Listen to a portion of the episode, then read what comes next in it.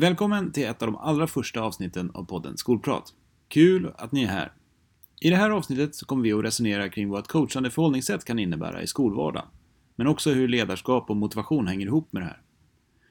Värt att notera så här i inledningen är att vi i det här samtalet indirekt skiljer mellan det aktiva coachandet av enskilda elever som hos oss sker i anslutning till mentorskapet och att vara inspirerad av ett coachande förhållningssätt som gäller i mötet med elever överlag. I samtalet är det här en distinktion som inte uttalas men som är viktig att ha med sig för att få ut mesta möjliga av innehållet. I informationen eh, kring avsnittet så hittar ni länkar till var ni kan hitta mer information om den litteratur vi talar om. Sist men inte minst, tveka inte att höra av er om ni har funderingar eller synpunkter. Skolprat kunskapsskolan.se är adressen. Med det här sagt, mycket nöje. Nu kör vi!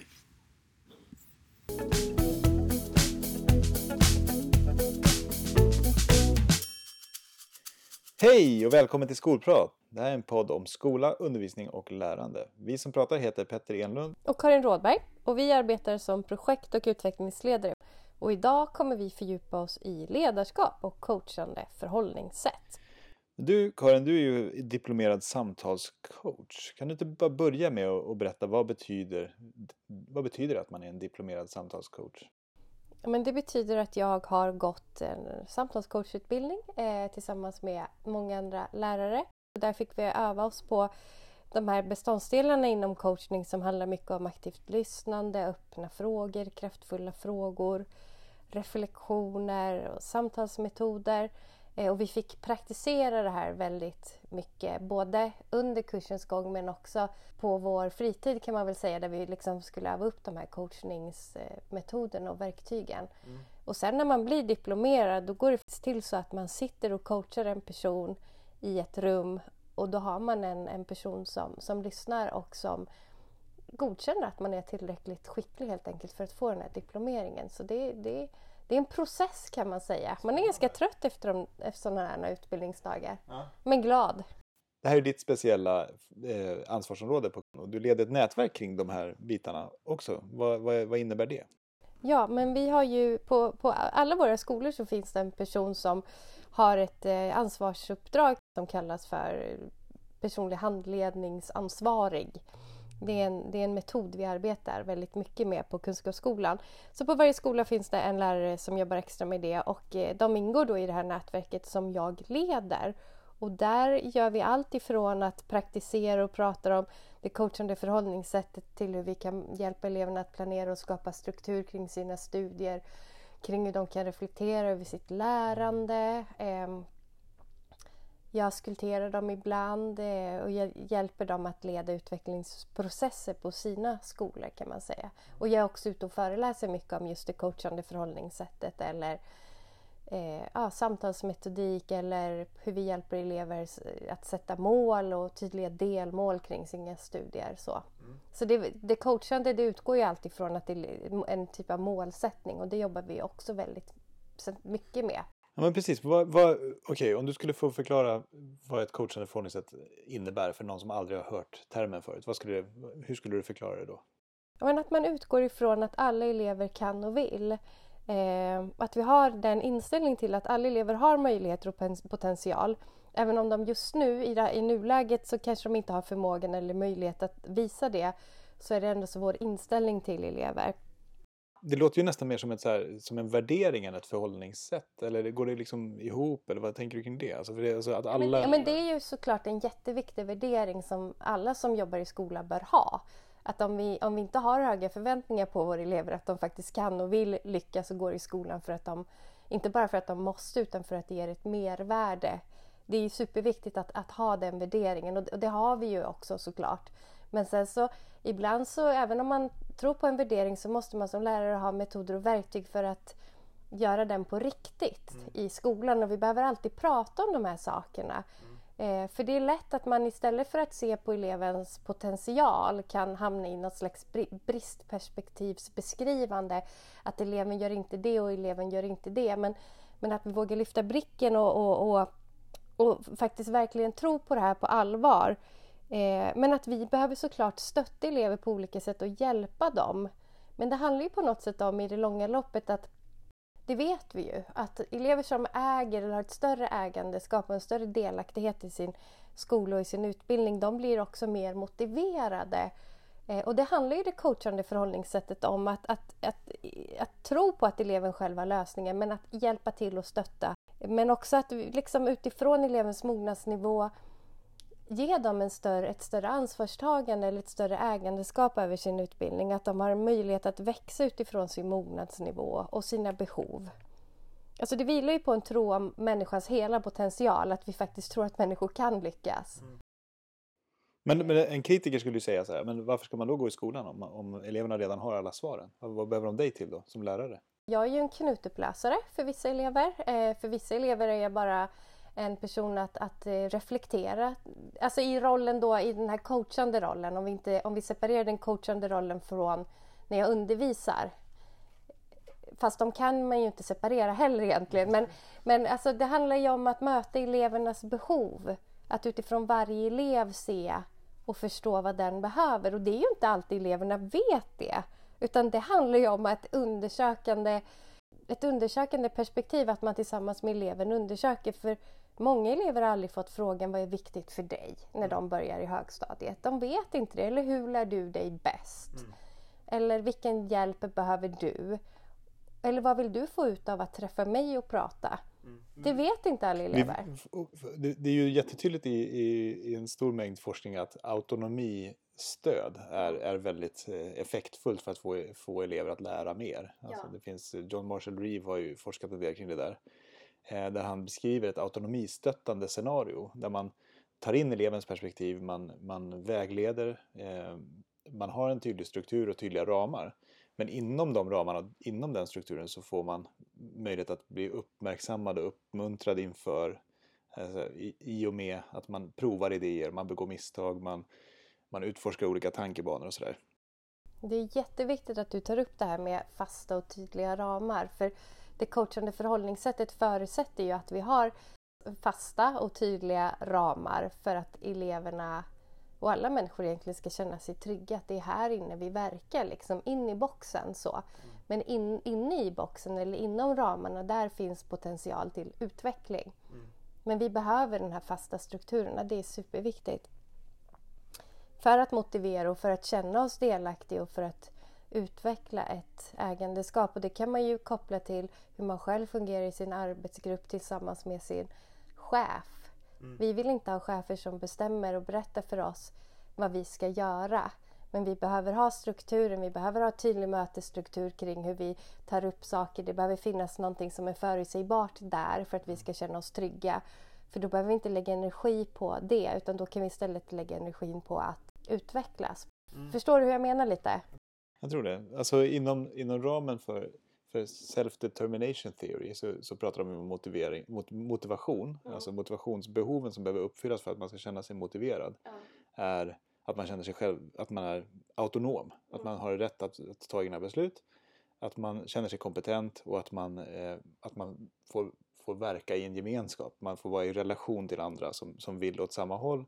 Och inom ramen för det här så utvecklar man sin kompetens och man utvecklar sin autonomi. Alltså, och, och de går hand i hand. Och, och kan de där tre samverka så, så, så, finns det större chans att man känner sig motiverad.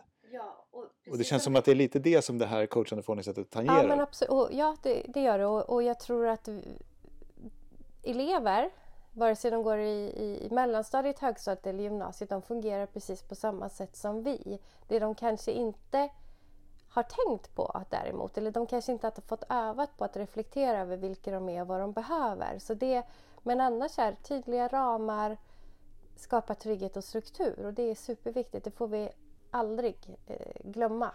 Jag tänker, eh, eh, det dyker upp så, jag får mycket idéer och sådär. Men, men det som jag tänker på är ju Thomas Nordahl har gjort en, en sammanställning över effektivt ledarskap i, i, i klassrummet.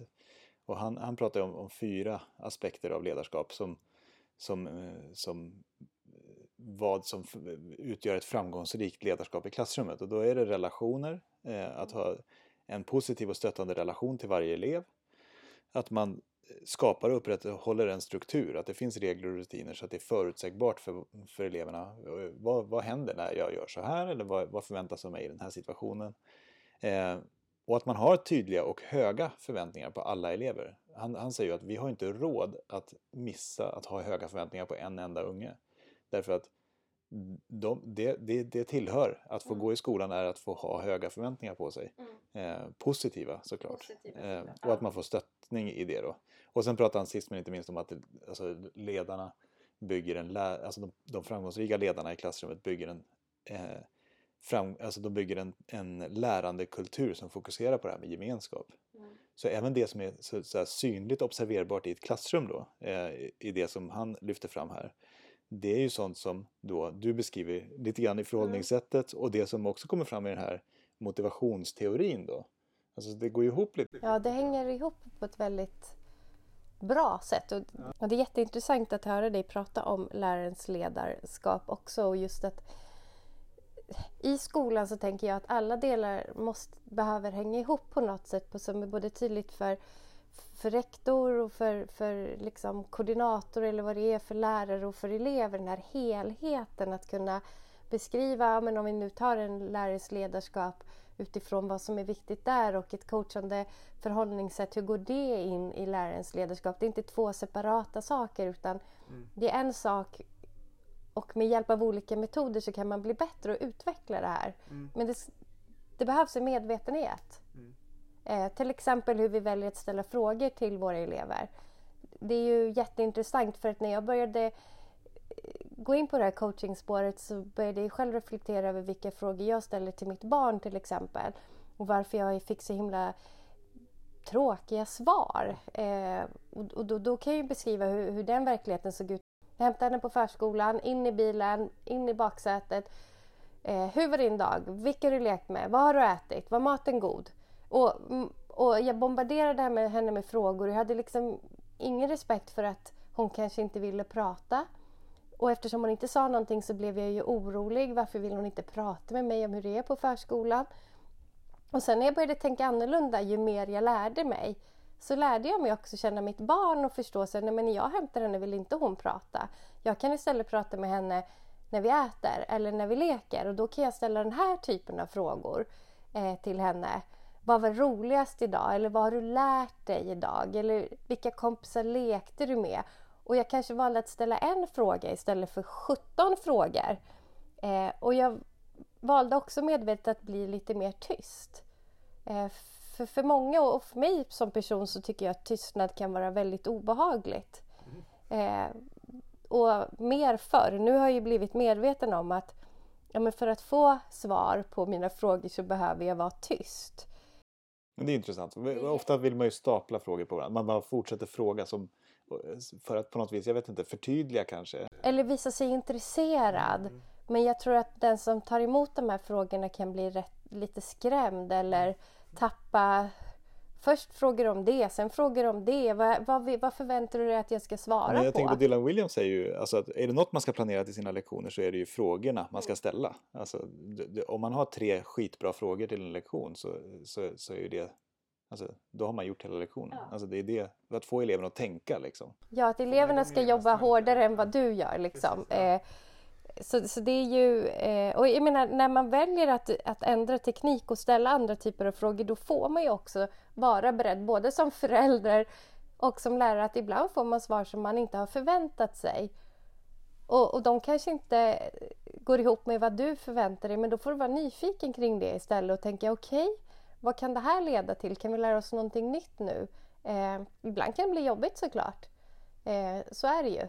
Och ibland måste man omformulera en fråga och det kan man alltid göra men det är viktigt att eh, liksom ställa öppna frågor, kraftfulla frågor istället för att stängda, ställa slutna frågor där eleven bara kan svara ja eller nej eller ledande frågor som jag tror att Eh, min erfarenhet är att jag gjorde det väldigt mycket förut. Eh, och det kan jag nog fortfarande göra idag men att jag försöker att påminna mig själv och då välja att men vänta nu, kan jag omformulera den här frågan så att den blir mer öppen. För det handlar ju om att få eleverna att reflektera, att tänka till och att sätta ord på någonting. Verbalisera lärandet. Och det får vi dem inte att göra om vi bara ställer slutna, eh, stängda ledande frågor.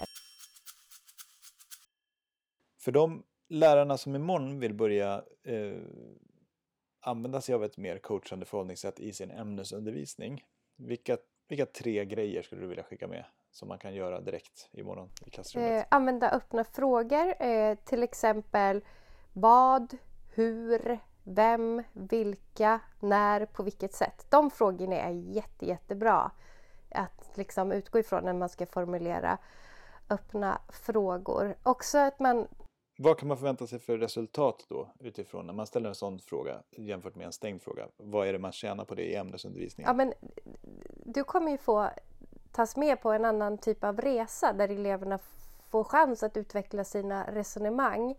Eh, de kommer ge eh, djupare och mer breda svar och då, då är det ju viktigt att man som lärare kan gå tillbaka sen till vad det var man nu undervisade om så att man inte tappar den röda tråden. För, för det är en erfarenhet att ibland så tas man med eh, väldigt mycket på elevens resa och, mm. men man, så att man måste hela tiden påminna sig om att komma tillbaka.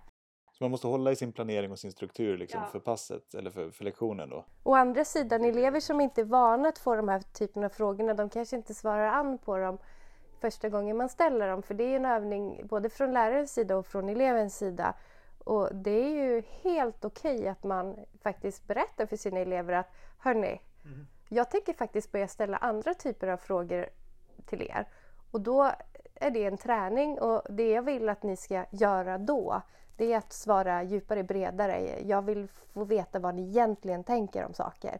För att man behöver aldrig ha en dold agenda med sina elever utan upp med det på bordet bara. Så de vet vad förväntar sig läraren nu när den börjar ställa den här typen av frågor. Det låter, jag tänker att man också behöver ha, ha med sig den här känslan av att det är okej okay att begå misstag. Alltså den, typ, den grejen måste komma, komma upp på bordet ja. med eleverna, eller hur? Ja, för precis att för när man ställer öppna frågor så kanske det kan vara lite knepigt ibland. Men att se det som, alltså se det inte som att fråga svara utan se det som att det blir en diskussion eller ett resonemang mm. istället snarare än att man kommer få rätt svar. Mm. Eller så tänker jag att man alltid bör agera när man väljer att ställa frågor till sina elever. Mm. Så okej, okay, öppna frågor till eleverna. Det var ja. tips nummer ett. Tips nummer två det är att vara tyst. Eh, vi pratar väldigt mycket lärare. Jag har ju jobbat med att spela in samtal mellan lärare och elev för att se vem som äger talutrymmet. Eh, och, och, och, lärare tenderar ju att prata eh, väldigt mycket. Nu generaliserar jag såklart. Men det finns en omedvetenhet kring det här. Jag, tänker att det är vikt, alltså jag tycker det är så himla bra det Dylan Williams säger där om, om tänkande. Alltså mm. om vi kan få våra elever att vara aktiva och tänka, det är då vi vet att oh, man kan inte lära sig någonting man inte tänker på. Eh, så, så länge vi pratar så, så kommer ju eleverna inte behöva aktivera sig själva eh, och tänka så mycket som de behöver om de själva behöver formulera sig. Eh, ja. Okej, okay, så öppna frågor, var tyst, vad mer? Men för att också för att medvetandegöra och skapa insikter till elever som kanske har kört fast eller att hjälpa dem att finna alternativa handlingssätt så är kraftfulla frågor väldigt bra. Eh, när en elev har tappat motivationen helt till exempel då, då skulle man kunna utmana den eleven och, och, ställa frågan men vad vill, vad vill du? Vad vill du? Och det, då handlar det mer om så en till en situationer? Ja, en till en situationer. Det kanske inte är specifika klassrumssituationer. Eh, vad hindrar dig? Alltså att prata om det här som, som, hindrar, som eleven upplever som hinder. Enkla, öppna, eh, kortare frågor. Alltså ju kortare frågor man ställer desto längre svar brukar man få faktiskt. Eh, och eh, ja, men till exempel bolla med perspektiven om elev har kört fast. Eh, vad händer om? Eller jag älskar den här när man ja, men om du vore din bästa kompis, vad skulle du ge för råd till, till henne eller till honom? För, för ett coachande förhållningssätt det handlar också om att inte ge... Alltså klart man ska ge råd till sina elever. Men, men, men vi är ju inte deras föräldrar. Vi är deras lärare och vi ska stötta dem i deras personliga och deras akademiska utveckling. Så om vi bara ger dem råd på råd på råd då kommer de inte behöva utveckla det här ägandeskapet. Så Eh, försöka bolla med perspektiven, det tycker jag är bra. Eh, så. Men vara tyst, öppna, kraftfulla frågor. Lägger du dem i samma öppna och kraftfulla frågor? Eller delar du på dem? Jag delar på dem lite. Ja, för det lät som att, alltså, jag tänker öppna frågor, det funkar ju väldigt bra i klassrummet för att få Ja. eleverna att tänka. Och de här kraftfulla frågorna handlar väldigt mycket om att få hitta elevens behov, eh, och nu, motivation ja. och liksom, liksom lite mer så aktivera Ja, enskilda elever. Ja. Eh, sen såklart man kan hitta nyckelord som om en elev säg, hittar nyckelord i när, när man pratar och fånga upp dem. Du säger svårt, hur, vad menar du med det? Så att man liksom vet, pratar vi om samma saker nu? Så det är också en väldigt bra strategi. Och sen om man har enskilda samtal så försöka sammanfatta och summera. Eh, Men du, vänta nu, vad är det vi har pratat om egentligen? Att man bollar över det till eleven. Så att det, det blir liksom elevens agenda. Men vi har pratat om de här tre sakerna. Eh, Okej, vad tar du med dig från det här samtalet? Så att samtalet blir ett stöd in i, i nästa, ja i, i, skol, i skoldagen liksom, eller i skolveckan eller så. Om du skulle rekommendera en bok eller en ingång i området, alltså en, första bok eller en, en bästa bok, vad, vilka, vilken skulle det bli? En första bok, då skulle jag tipsa om Coachning, ett verktyg för skolan av Anna-Karin Arrhenius. Hon jobbar också på skolcoacherna. Det är en väldigt tunn bok men väldigt, väldigt enkel till sitt slag. Eh, så, det skulle vara första läsningen. Om man sen vill fördjupa sig ytterligare så har Susanne Gärde skrivit en bok som heter Coachning vad, varför, hur. Och då får man dels lite ett historiskt perspektiv på coachning, varifrån den kommer, säga idrottsvärlden och hur man kan använda den idag. Men då, då handlar det inte bara i skolan utan eh, människor generellt i allmänhet. Så. så man får ju ta ner det till sin verklighet. För coaching i sig är ju... Vi, har ju, vi står i ett maktförhållande till våra elever för det, vi är deras lärare och coachning utanför skolan handlar det ju inte om ett maktförhållande så att man får ändå så tänka på det. Att allting som handlar om coachning kan man inte ta in i skolan. måste, man måste hitta en, en, en vettig balans för att skapa den där, den där produktiva, professionella relationen med sin elev. Absolut. Eh, jag, tänk, jag tänker på det utifrån ett ledarskapsperspektiv också. Om man ska Ja. bygga en relation eh, som är ett väldigt liksom, väldokumenterat effektivt verktyg för att eh, låta eleverna eh, utvecklas så långt som möjligt eh, så behöver man ju också hitta en, en professionell, en professionalism i det där. Och Ja. inte, att det inte blir för, eh, blir det för coachigt så, så kanske man inte når den där typen av liksom, eh, struktur som man behöver ha för att relationen ska bli eh, givande. Ja, men vilken struktur är det, vilken eh, struktur är det liksom som du vill komma åt här? Jag tänker att man, man behöver hitta elevens drivkrafter i skolarbetet. Man Mm. behöver hitta elevens drivkrafter för att, eh, inom, inom eh, sitt eget ämne så att säga. Alltså Mm. för, att, för att hitta eh, fram till eleven i undervisningen så behöver man känna eleven såklart. Eh, men man behöver kanske inte veta allt om hemförhållandena eh, bara, för att, eh, bara för att kunna hjälpa eleven i, i ämnesundervisningen. Och jag som lärare behöver inte berätta om, om eh, allt jag- gör på fritiden utan hålla fokus på den professionella delen av liksom, eh, läran, eller ja, liksom, bygga en professionell relation. Om man vill liksom lära sig mer om lärarens ledarskap och relationsbygge, skulle du, har du några boktips? Ja, absolut. Jag, eh, om, man, om man kan ta eh, lite norska så kan, så kan jag verkligen rekommendera Dette vet vi om klasseledelse av Thomas Nordahl. mm, Som är en, en, en bra skrift som handlar om eh, ja, men som sammanfattar det på ett väldigt tydligt sätt. Eh, bland annat de här fyra eh, perspektiven på framgångsrikt klassrumsledarskap. Och du, om man vill eh, fördjupa sig lite mer i relationsskapande, vad, vad tipsar du då om för böcker eller litteratur? Ja, men jag tycker Jonas Aspelin är, är, är väl värd att kolla upp. Eh, han eh, har skrivit ett, ett, några stycken böcker, bland annat en som heter Sociala relationer och pedagogiskt ansvar. Som jag tycker ger bra in, input kring de bitarna. Alright, Okej, spännande! tack för ett bra samtal. Ja, men tack själv. Vi hörs och ses igen. Hej då! Ha det bra, hejdå! Skolprat är en podd om skola, undervisning och lärande med oss Karin Rådberg och Petter Enlund, projekt och utvecklingsledare på Kunskapsskolan. tack för att ni lyssnat.